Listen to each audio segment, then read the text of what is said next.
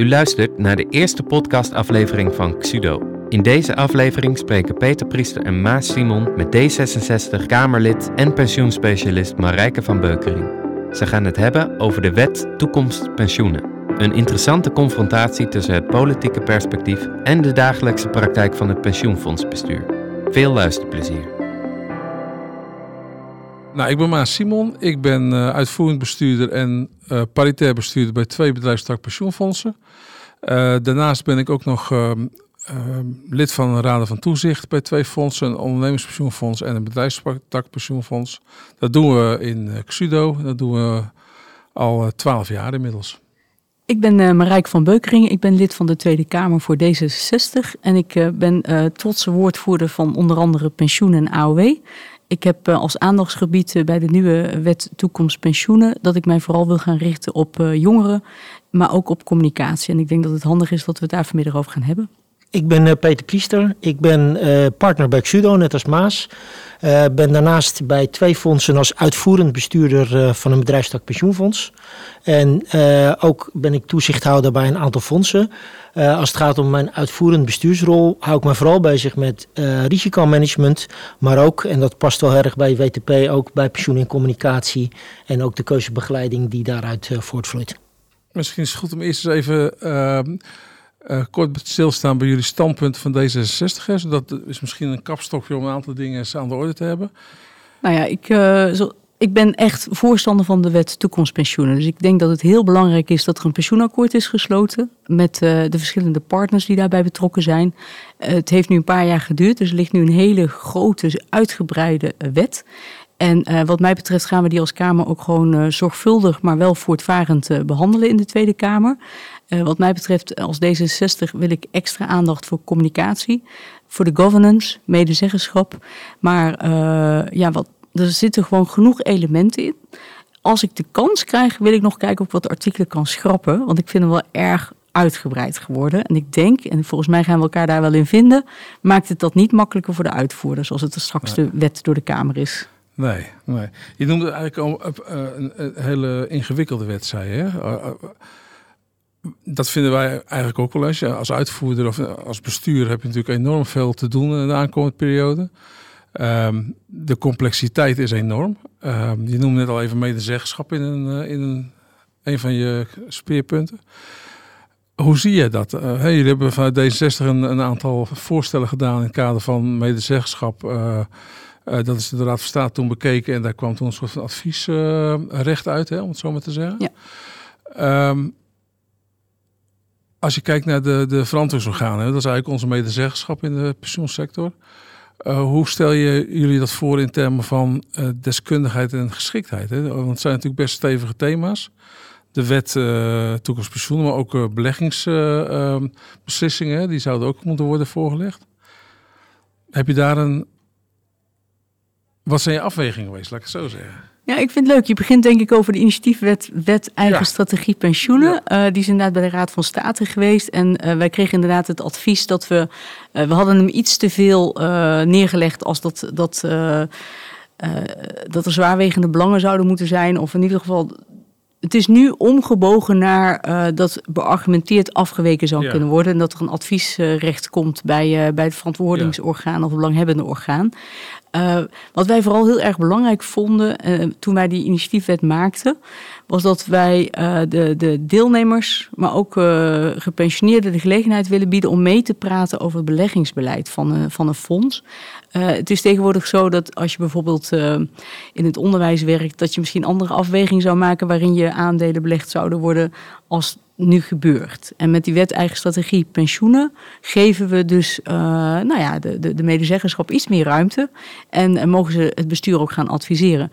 Ik denk wel dat je gelijk hebt, dat, uh, want de pensioensector, daar zitten gewoon heel veel experts. Het is ook best wel heel ingewikkeld. Ja. Je moet daar samen het gesprek over gaan voeren. Ja. Uh, maar een, een, keuze meegeven, een, een heel simpel voorbeeld wil je dat er belegd wordt in fossiele brandstof of wil je dat er belegd wordt in, in, in, in, in tabak? Nou ja, ik kan me best wel voorstellen als je longarts bent dat je niet wil dat er geïnvesteerd wordt of ge, ge, ge, he, belegd wordt in de tabaksindustrie. Nou, daar zou je dan wat uh, keuzes in kunnen gaan maken. Dus dat is ook hoe we het bedoeld hebben. Oké, want als je naar de, de wet toekomstpensioen zelf kijkt, zit daar natuurlijk ook al wel in dat je kijkt naar de risicobereidheid van de deelnemers. Hè, waarbij je dat ook als pensioenfonds gaat toetsen bij je deelnemers. Hoe, kijk je naar het beleggingsbeleid en hoeveel risico vind je dat je mag nemen? In jullie wetsontwerp zit dan feitelijk, of wetsvoorstel zit dan feitelijk dat je dat ook nog op continue basis blijft doen. Uh, dus mijn vraag eigenlijk is, uh, zou niet eenmalig die toets aan het begin voldoende, nou, voldoende waarborg bieden als het gaat om de deelnemers hun inspraak te betrekken, in plaats van dat je dat een continue basis geeft? Nou, ik, ik, denk dat het goed is dat je me die vraag maar even stelt, dan kan ik het nog meer verduidelijken. Het gaat ons niet om de risicobereidheid. Dus dat leg je inderdaad bij de deelnemers neer. En die vraag stel je eens een keer, uh, als het goed is, uh, op momenten dat we straks zijn ingevaren, mogen ze bij het uh, flexibele pensioen mogen ze die keuze voorgelegd, of moeten ze die keuze voorgelegd krijgen. Wat wij met de wet eigen strategie pensioenen echt voor ogen hebben, is dat het belanghebbende orgaan of het verantwoordingsorgaan, dat die een ja, eh, een advies gaat geven aan het bestuur. En dat bestuur daar beargumenteerd van af kan gaan wijken. Dus dat is wat we echt zouden willen. Dus het zit minder in de risicobereidheid als wel wat voor beleggingsprofiel heeft mijn pensioenfonds. Ja. En daar zitten soms ook gewoon tegenstrijdige belangen in. Je kan bijvoorbeeld een, een, een vastgoedontwikkelaar hebben. Die, uh, waar een, iemand met uh, een pensioendeelnemer bijvoorbeeld huurt van een, eh, een, bepaalde verhuurder. En omgekeerd gaat er ook via het beleggingsbeleid ook geld naar, naar diezelfde vastgoedontwikkelaar. Nou, dat zijn bijvoorbeeld keuzes waarvan wij vinden, laat daar een uh, medezeggenschap over meepraten. Ja, oké. Snap je een beetje zo? Want ik probeer hem. Het is goed hoor dat jullie dat zo vragen, want het is altijd leuk met initiatieven. En die moeten nog door de Kamer behandeld worden. Dus, uh... Ja, het gaat dus om echt beleggingsinhoudelijk. En het, staat los van, uh, van de risicobereidheid, uh, zoals we die toetsen. Ja. Ja. En waar wij in de praktijk best wel mee worstelen als bestuurders, dat je ziet dat natuurlijk over het algemeen bestuur en raden van toezicht uh, natuurlijk zwaar getoetst worden op uh, de geschiktheid, hè, ook door de Nederlandse bank. Uh, bij verantwoordingsorganen is dat bewust natuurlijk niet, ook op dit moment al niet zo. dan blijft wel de uitdaging, hoe zorg je dat dat adviesrecht zo kan vormgeven dat, dat er met voldoende basiskennis, zeg maar, die adviezen worden, worden aangereikt aan het bestuur. hebben jullie daar een bepaalde aanpak in die jullie, die jullie daarbij zien? Nou, ik vind het ook wel leuk om een beetje van jullie te horen hoe jullie dat zouden kunnen vormgeven. Want kijk, um, ik ben zelf natuurlijk ook vrij lang actief geweest in verschillende adviesraden, ook een raad van commissaris. Soms krijg je ook gewoon een opleiding. Dus ik zou me ook kunnen voorstellen dat je als bestuur zegt, dat hoor ik dan liever van jullie. Dan weet ik dat ook als we straks de wet gaan behandelen waar jullie behoefte aan hebben. Misschien moet je als bestuur wel zeggen, ik wil graag mijn, uh, mijn medezeggenschap, ik noem het even medezeggenschap, ja, BOVO, uh, die wil ik daar graag in opleiden. Of ik ga ze begeleiden. Ja, daar zie je wel een trend in komen nu. dus dat veel meer besturen nu ook budget uittrekken om op te leiden. Omdat je natuurlijk de, de, de eisen worden steeds uh, zwaarder. Er wordt steeds meer gevraagd van die individuele leden, die eigenlijk ook soms vanuit een, de toonbank, bij wijze spreken, plotseling in het, in het medezeggenschap zitten. Um, maar dat is nog niet een gesneden koek. Het is niet zo dat elk bestuur per definitie een grote opleidingsbudget heeft voor het VO. En ook de tijd er niet voor, uh, voor uh, um, geeft. En het zou ons enorm helpen als we, of helpen, het zou het VO helpen als zij uh, worden geëquipeerd door middel van opleidingen. En dat is wel een, dat ik zie daar wel een, verbetering in die zin. Ik, ik weet niet of jij dat ziet, Peter, in jouw fondsen, maar bij ons zie je wel dat er steeds meer geld wordt vrijgemaakt om die opleiding te doen. Of delen daarvan, hè, dat, uh, dat ze zich verdelen in portefeuilles. Dus dat ze niet het hele palet hoeven te kennen. Nou, ik zie dat inderdaad over het algemeen zie je ook de behoefte. Hè. En zeker ook als, als het gaat om de adviesrol in het wet toekomst pensioen, zie je dat heel veel verantwoordingsorganen ook nadrukkelijk met het bestuur bezig zijn om wel voor te bereiden, ook op hun adviesrol. Waarbij je wel ziet dat het en voor besturen al best ingewikkelde uh, materie is. Sociale partners zijn we natuurlijk ook nu nadrukkelijk mee in gesprek, die ook eigenlijk nog uh, best wel moeite hebben de, de materie te doorgronden. Alleen al de contractskeuze, hè, dus, ja. tussen de, de premie of, of, of het solidaire contract. en dus de uitdaging is wel om nou, het opleiden zo goed mogelijk te doen, waarbij ik wel zie dat het dat, dat het best veel gevraagd is voor mensen die hebben. Je kiest bij verantwoordingsorganen natuurlijk heel bewust voor mensen die uit die sector komen. Uh, en uh, dat is bijvoorbeeld anders de, bij een, een, een, financiële instelling waar mensen in een verantwoordingsorgaan komen. dan bijvoorbeeld in uh, de particuliere beveiliging waar mensen normaal gesproken aan het beveiligen zijn. en dan ineens ook wat voor ingewikkelde voorstellen moeten vinden. Dus nou ja, de, de, de, de voedingsbodem je, je kunt niet alles met opleiden oplossen, wil ik maar zeggen. En dat zie ik wel als issue. Maar ik denk wel dat we het hier met elkaar over eens zijn. Het is dusdanig ingewikkelde materie dat het misschien in ons alle belang is dat we wel proberen om iedereen te vertellen hoe het werkt. En als dat betekent dat jullie als besturen, en ik, met respect hoor, want volgens mij werken jullie al heel hard, net een tandje bij moeten zetten om ook uh, de verantwoordingsorganen uh, binnenboord te krijgen of te houden, dan, dan, dan denk ik dat het een gezamenlijke opgave zou kunnen zijn. Daar ben ik het erg mee eens. Ik denk dat het verantwoordingsorgaan nog wel het de, nou, de vreemde eend in de bijt wil ik niet zeggen, maar wel degene is het kind van de rekening soms. Hè? Omdat daar veel van wordt verwacht, maar er maar relatief weinig in wordt geïnvesteerd als het gaat om kennis en deskundigheid. Je zou ook nog kunnen bedenken om een soort van advies, uh, uh, adviseurs bij te zetten bijvoorbeeld. Hè? Dat mensen, uh, dat ze per definitie extern advies kunnen benutten. Ja. En dat je daar als bestuur ook um, nou, budget voor geeft, dat, dat ze die mogelijkheid hebben om zo goed mogelijk en zo adequaat mogelijk advies te kunnen geven. Ik denk dat dat wel een, ja, een, een combinatie van factoren is. En ik denk dat, dat zie ik ook wel als trend, moet ik zeggen. Dat, dat inderdaad verantwoordingsorganen zelf ook zeggen: ik wil dat goed kunnen invullen. Ja. Dus, uh, dus help mij maar inderdaad door daar ook een eigen adviseur die ook namens ons uh, kan helpen ons kan advies helpen, goed voor ja. te bereiden. Ja. Dat vind ik wel een mooie ontwikkeling. Ja, ja. dat is prima. Mag ik nog een vraag stellen over de wet toekomst pensioen? Je, gaf aan het begin uh, aan, je bent groot voorstander daarvan. Hè? Um, en uh, eigenlijk was het, uh, nou, het is een lang proces geweest. Hè? En dat is denk ik, ook als pensioenfondsbestuurder denk ik goed dat er uiteindelijk een pensioenakkoord uitgerold is. Maar we hadden een aantal criteria waar we die wetgeving aan zouden toetsen. Hè? Daar, daar is juist uitlegbaarheid en communicatie was een belangrijk thema. En als ik dan vanuit mijn bestuurlijke praktijk kijk, dan weet ik nou niet helemaal of de wetgeving op dat punt uh, nou 100% voldoet. Uh, je gaf net al aan, misschien wat artikelen schrappen zou al wellicht helpen. Hoe kijk jij daarnaar? Is het inderdaad ook vooral de communicatiekant? Uh, is deze wetgeving goed uit te leggen aan de gemiddelde deelnemer? Ik kan hem wel goed uitleggen, merk ik inmiddels, okay. uh, als, als woordvoerder. Maar ik, ik merk wel dat, dat de, de, uh, waar het hem natuurlijk straks in zit, is als we gaan uitvoeren. Dus als jullie als, als, als pensioensector de uitvoering op gaan pakken, jullie moeten die artikelen gaan vertalen naar de dagelijkse praktijk. En wat mij betreft hebben we daar een te grote wet voor opgetuigd. Het is nu wel echt een, een kerstboom waar alles in is gefietst. Ik zag ook in een van jullie artikelen staan dat jullie ook zeiden... ja, Kamerleden zijn ook supergoed om weer dingen toe te gaan voegen... en uh, amendementen en zo. En mijn idee is wel dat ik mijn collega-Kamerleden ook wel ga uitdagen...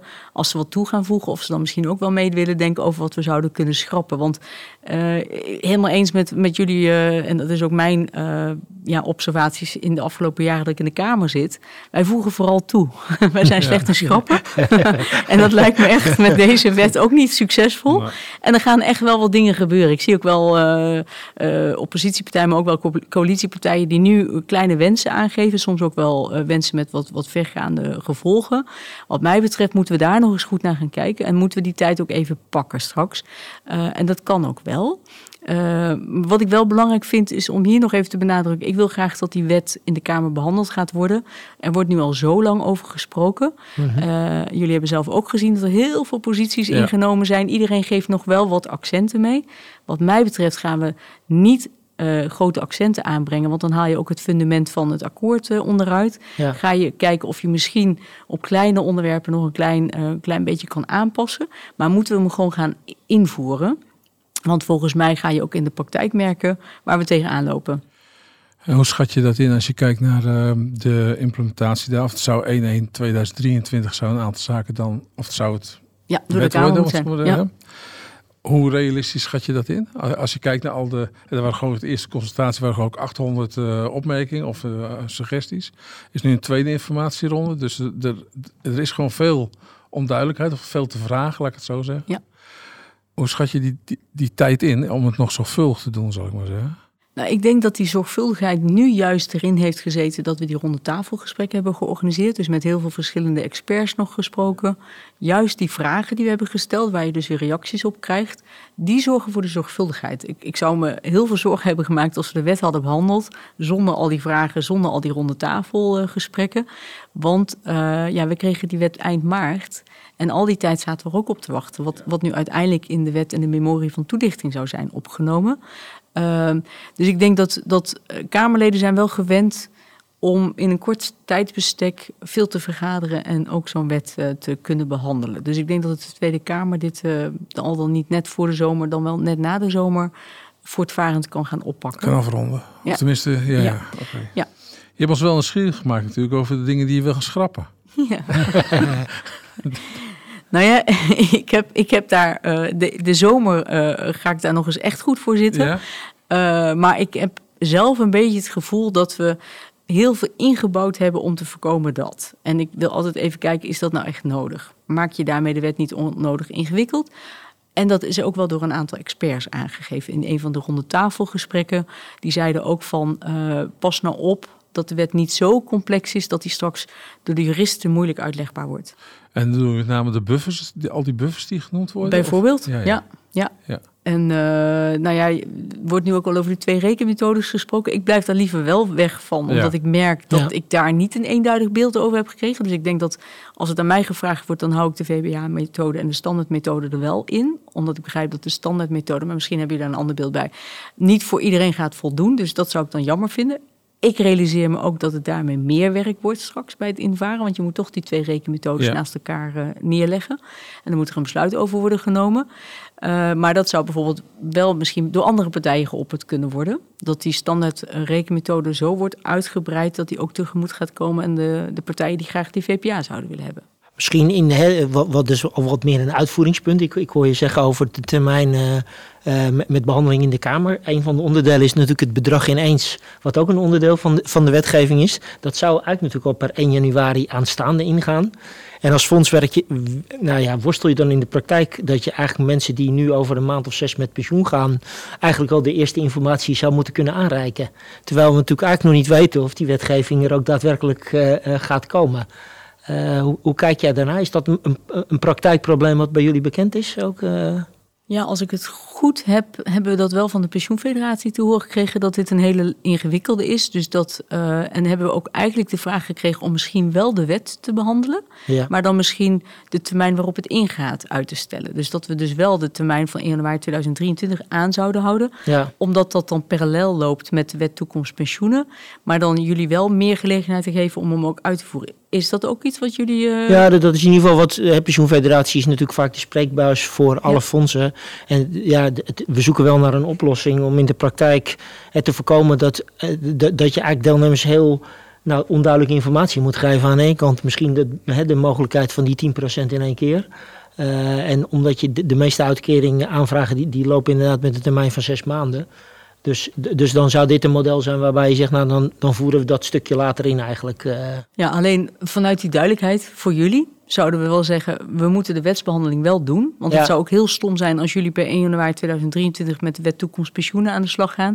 En dit deel blijft boven de markt hangen. Dus wat dat betreft, uh, en wij zijn er wel echt voorstander van als D66. Dat, dat heb ik in het verkiezingsprogramma gelezen. ja. ja. Maar, maar ik vind het ook wel ingewikkeld hoor, om, om zo... Uh, ik snap, ik snap die 10%. Ik vind het ook dat mensen kunnen beschikken over een deel wat ze zelf hebben gespaard. Dat, dat begrijp ik ook wel.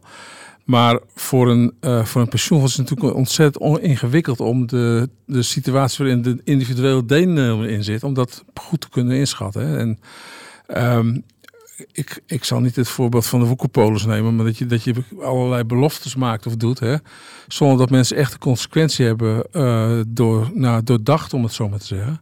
Hè, de, de hooglaagconstructie kan komen te vervallen. Um, het is maar de vraag in hoeverre je dan nog een redelijk inkomen hebt tegen die tijd. Hè. En, en ja, het zit dan in je stenen en wie weet uh, hoe dat loopt.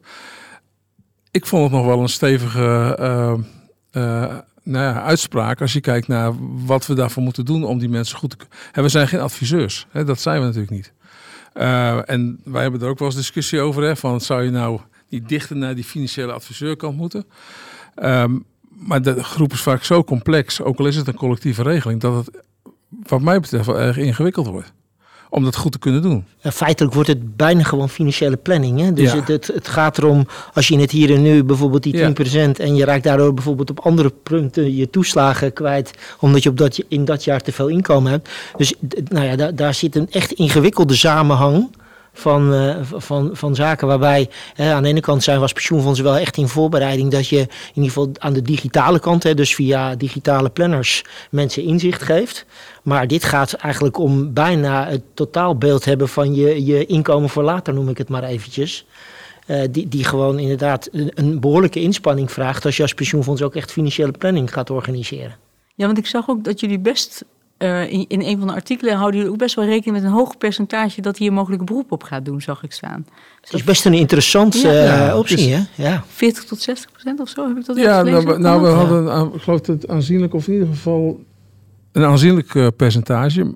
Maar het punt is natuurlijk dat, um, ik zou bijna zeggen, onbekend maakt in dit geval bemind. Hè? Dat je denkt van, god, dat is mooi als ik zo 10% van mijn pensioen kan gebruiken voor mijn hypotheek dat zit ook een beetje in het niveau van de deelnemers die, hè, die een korte termijn uh, denken van nou, ik kan nu, dan kan ik mooi mijn, uh, een auto van kopen of ik kan het in mijn uitbouw zetten.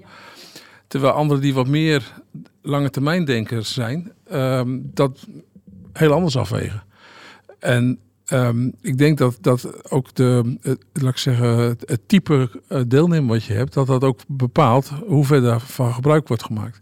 En het verschilt heel erg per bedrijfstak pensioenfonds. Ja. Die, die, dat bedrijfstakken zijn in die zin ook heel slecht vergelijkbaar daarin. Nou, maar, je hebt hier ook witte boorden en blauwe boorden. Ja, dus en waarbij, waarbij je die zorgplicht inderdaad, dat, dat, eh, nou ja, dat kan best wel buikpijn geven. Neemt iedereen daarin uiteindelijk een doordachte, maakt iemand een doordachte afweging daarin. Begrijp ik. Uh, nee, ik, ik snap aan de ene kant jullie zorgen wel. Aan de andere kant uh, vind ik het ook wel belangrijk dat je mensen wel die keuze kunt gaan geven. En het is dan tussen aanhalingstekens maar 10 procent. Dus dat is wel, uh, het, is niet uh, tot 50 procent, dus dat is de helft. Hè? Want dat zou ik echt heel zorg, uh, veel zorgwekkender vinden eigenlijk. Mm -hmm. Dus daarom denk ik dat het percentage van 10 procent... Maar het is wel leuk, want je noemde net even de toeslagen. En datzelfde verkiezingsprogramma wilden wij natuurlijk af van alle toeslagen. Ja, ja. En dan was dit misschien ook een heel ander gesprek geworden. Want dan hadden mensen ook niet de kans gehad dat mensen dat ze die 10 procent opnemen. Dat ze dan ook inderdaad in de toeslagen gekort zouden worden. Want dat vind ik zelf ook een heel erg. Uh, dat vind ik eigenlijk nog wel een groter probleem. Maar ja. volgens mij zitten we daarvoor niet aan tafel. Maar dat is wel iets. Uh... Nee, maar het is natuurlijk wel. Het kan het gevolg zijn van, van ja. zo'n som ineens. Hè? Dat je in dat jaar meer belasting moet betalen. Dat je je toeslagen minder of anders worden. Dat je hoog laag. Dus dat je niet meer de keuze hebt om je pensioengeld op een bepaalde manier te besteden. Dus dat, die consequenties, die. Nou ja, ik, ik, ik vraag me dus af, zonder uh, eh, de, de deelnemers tekort doen is een denkvermogen. Nee, maar het is natuurlijk wel een, een, een ja. heel erg uh, ingewikkeld proces ook. Voor ons, maar ook voor de deelnemers. Ja. Ja, en, en we kijken eruit van, van het huidige fiscale ja. stelsel. Hè? Dus, ja. uh, ik ook. Ik ook. Ja. Nee, ik denk ook dat. dat, dat uh, maar dat is ook leuk als je dit soort dingen nog met elkaar in de Kamer moet gaan bespreken. En dan komen natuurlijk dit soort argumenten ook nog boven tafel. Dan moet je ook gewoon met elkaar of op tafel.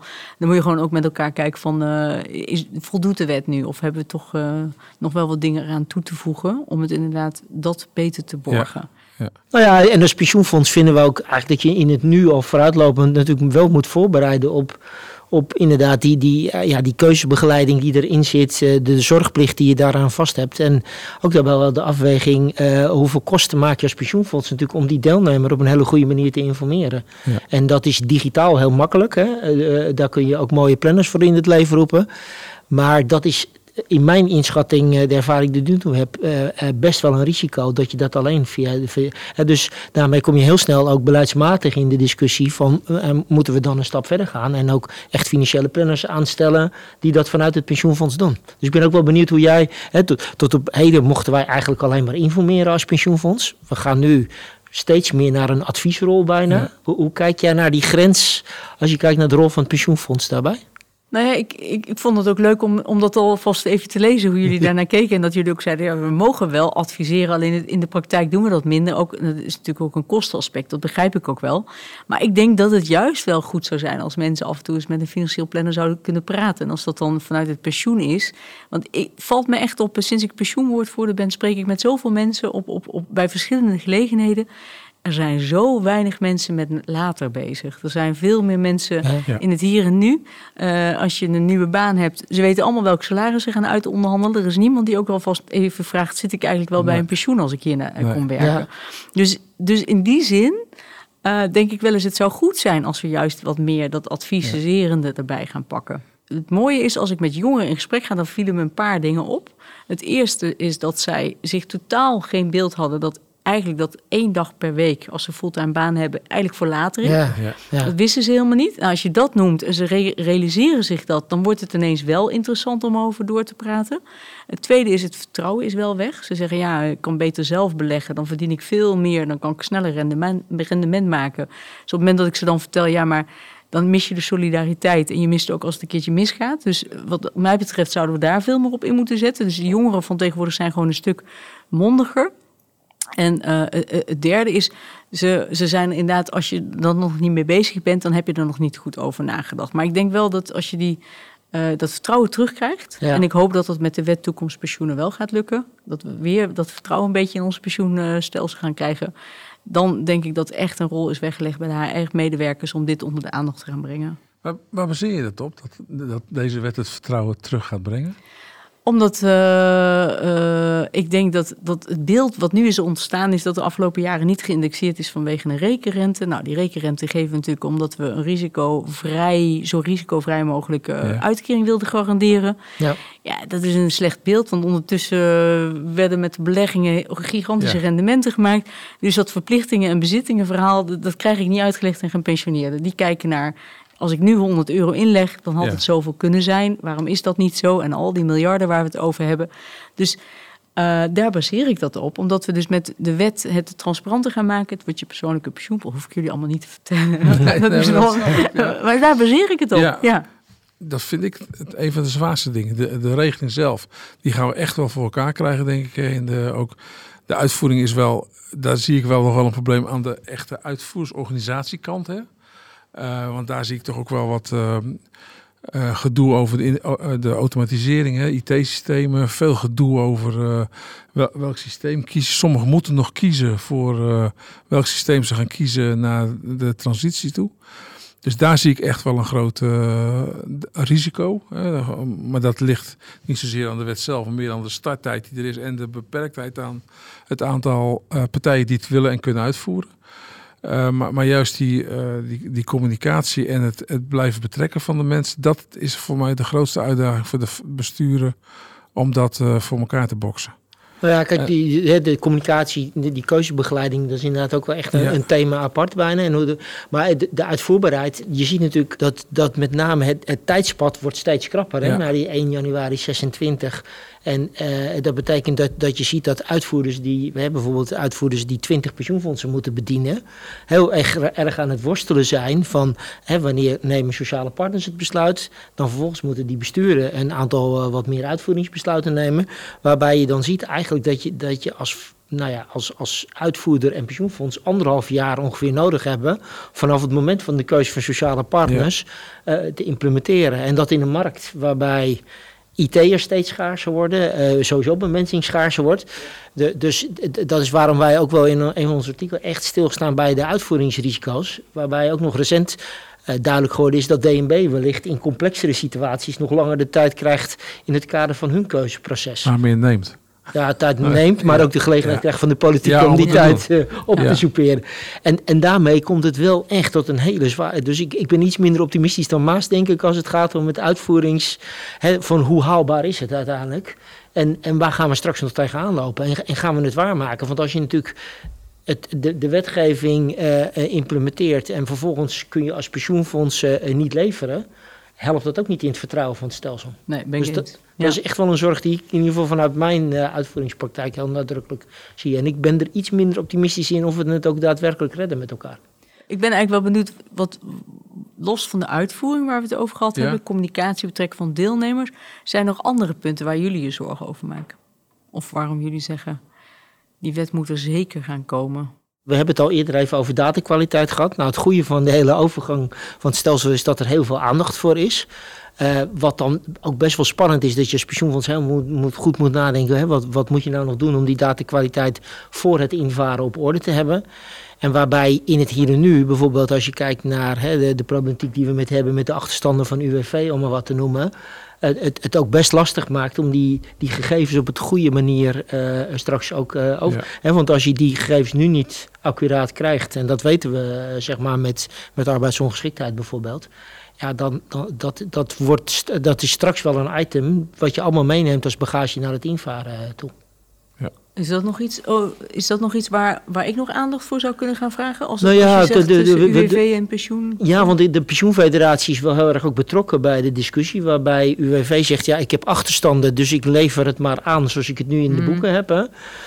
En wij eigenlijk al als pensioensector in, sinds jaar en dag worstelen, zeg ik dan maar even, met het feit dat dat voor ons beiden de meest onbetrouwbare data zijn. Of in ieder geval, onbetrouwbaar klinkt on- onaardig, maar in ieder geval waar wij heel erg achter de feiten aanlopen. Ja. En waar we eh, afhankelijk zijn van een instantie die, die zijn eigen uitvoeringsproblematiek heeft, zeg Ja. ik dan maar even. Ja, snap ik. Nou, ik denk dat wij als pensioenfondsbesturen ons niet meer zo druk moeten maken over of hij er komt. Ik denk dat veel meer het belang is voor de pensioenfondsbestuur dat we ons voorbereiden op de komst. Hè. Mhm. Eh, dus de, de- en daar maak ik me wel eh, of zorgen over, maar dat is wel een aandachtspunt dat we ook wel nu niet blijven hangen in ja maar en eh, hoe moet dat nu anders. Maar veel meer kijken van oké, waar liggen de oplossingen, hoe kunnen we het organiseren. Soms misschien heel erg nou ja, vernieuwend. Eh, soms heel erg zeker. Ik ben, zelf, ik ben risicomanager, dus er mag ook wel enige gedegenheid in zitten. Maar wel, wel, door. Ik denk dat we niet moeten eh, eh, verzanden in eh, eh, waarschuwen, vingertje omhoog, maar aan de gang gaan. Ik denk dat dat wel een van de aandachtspunten is. En dat is voor een pensioenfondsbestuur, denk ik, die over veel in de lange termijn kijkt, ook best wel ingewikkeld. Omdat je natuurlijk vaak een perspectief wil hebben waarlangs je je keuzes eh, en je beleidsbeslissingen maakt. Of neemt, moet ik zeggen. En ehm, ja, dat is, wel, dat, dat is denk ik wel een van mijn zorgen. Los van de punten die we net aan de orde hebben gehad, Ja. eh, is dat een, wel een rode draad. Ik zie ook wel een nadrukkelijke plus. Je moet als pensioenfonds ook weer heel veel nadrukkelijker in gesprek met je sociale Ja. partners over je positie en het feit dat jij de uitvoerder bent van die pensioenregeling. En dat, hè, dat, dat, dat is dan ook zeg wel een soort proces waar je ingaat, waarbij over het algemeen de keuze weer op het pensioenfonds valt. Maar waarbij je ook wel met elkaar ook over de meerjarenstrategie hebt van is dit nou een fonds wat standalone moet blijven of zou die eh, naar een grotere, in een groter geheel moeten opgaan? Dus het, het jaagt ook wel weer nieuwe eh, gezichtsvelden en strategieën aan, waarbij je inderdaad iets meer uit het hier en nu komt met je eigen sociale partners en ook of de bevestiging krijgt, oké, wij vinden een pensioenfonds in onze sector ook heel cruciaal. Of daar misschien vraagtekens bij gesteld worden en, en ook, ook voor de lange termijn strategie gekeken Ja. wordt. Ja. Ken je dat? Of? Ja, dat, nou ja, eh, ja, bij een van de fondsen dat natuurlijk ook aan de orde. Van we gaan nu eerst gaan we die transitie goed doen. En als dat voor elkaar is, dan gaan we eh, tijdens dat proces gaan we nadenken. Want dan eh, zien we een, over vijf, zes jaar zien we eigenlijk allemaal gelijksoortige regelingen. En wat is dan nog het nut van een eigen regeling? Hè? Ja. Eh, die, we, moeten een regeling hebben voor onze mensen die in ieder geval eh, goed is. En als dat ergens anders is, is dat prima. Wel vroeger nog veel meer. Eh, eh, nou ja, eh, het, het, het sector eigene werd, werd erg nou, soms opgeklopt. Hè, van het is heel belangrijk. eh, en zeker die paritaire modellen waar werkgevers en werknemers bij elkaar zitten. En ja, dat toch iedereen dacht dat eh, nou, de, de automonteur een ander is dan de, de, nou ja, wie, wat hebben we voor typische fietsenmaker. Mhm. Ehm, zie je nu dat van, ja, het gaat toch allemaal eigenlijk om je oude dagsvoorziening en niet zozeer om eh, eh, wat je nu op dit moment aan het doen bent. Dus die trend zie ik ook wel bij sociale partners veel meer, dat ze daarover in gesprek zijn. En dat kan alleen maar helpen om ehm, het pensioen weer echt onder de aandacht te brengen in alle geledingen. Hè? Dus zoals sociale partners, maar ook de achterbannen die erachter zitten. En want nu zie je toch dat een groot deel vooral eh, zich bezighoudt met de gepensioneerden of die er dicht tegenaan zitten. Hè, als het gaat om de werknemersdelegaties, maar ook de werkgevers die zeggen ja, het zijn toch mijn beste, mijn oude eh, medewerkers die ik een goed pensioen gun. En dan neem ik de, tijd en de moeite voor om dat goed uit te zoeken. Dus dat is denk ik een, eh, een positief effect, ja, daar ben ik wel Ja. eens. U heeft geluisterd naar de eerste podcastaflevering van Xudo. Wij hopen dat u met plezier en interesse geluisterd heeft. Met dank aan Marijke van Beukering voor haar openhartige deelname aan het gesprek.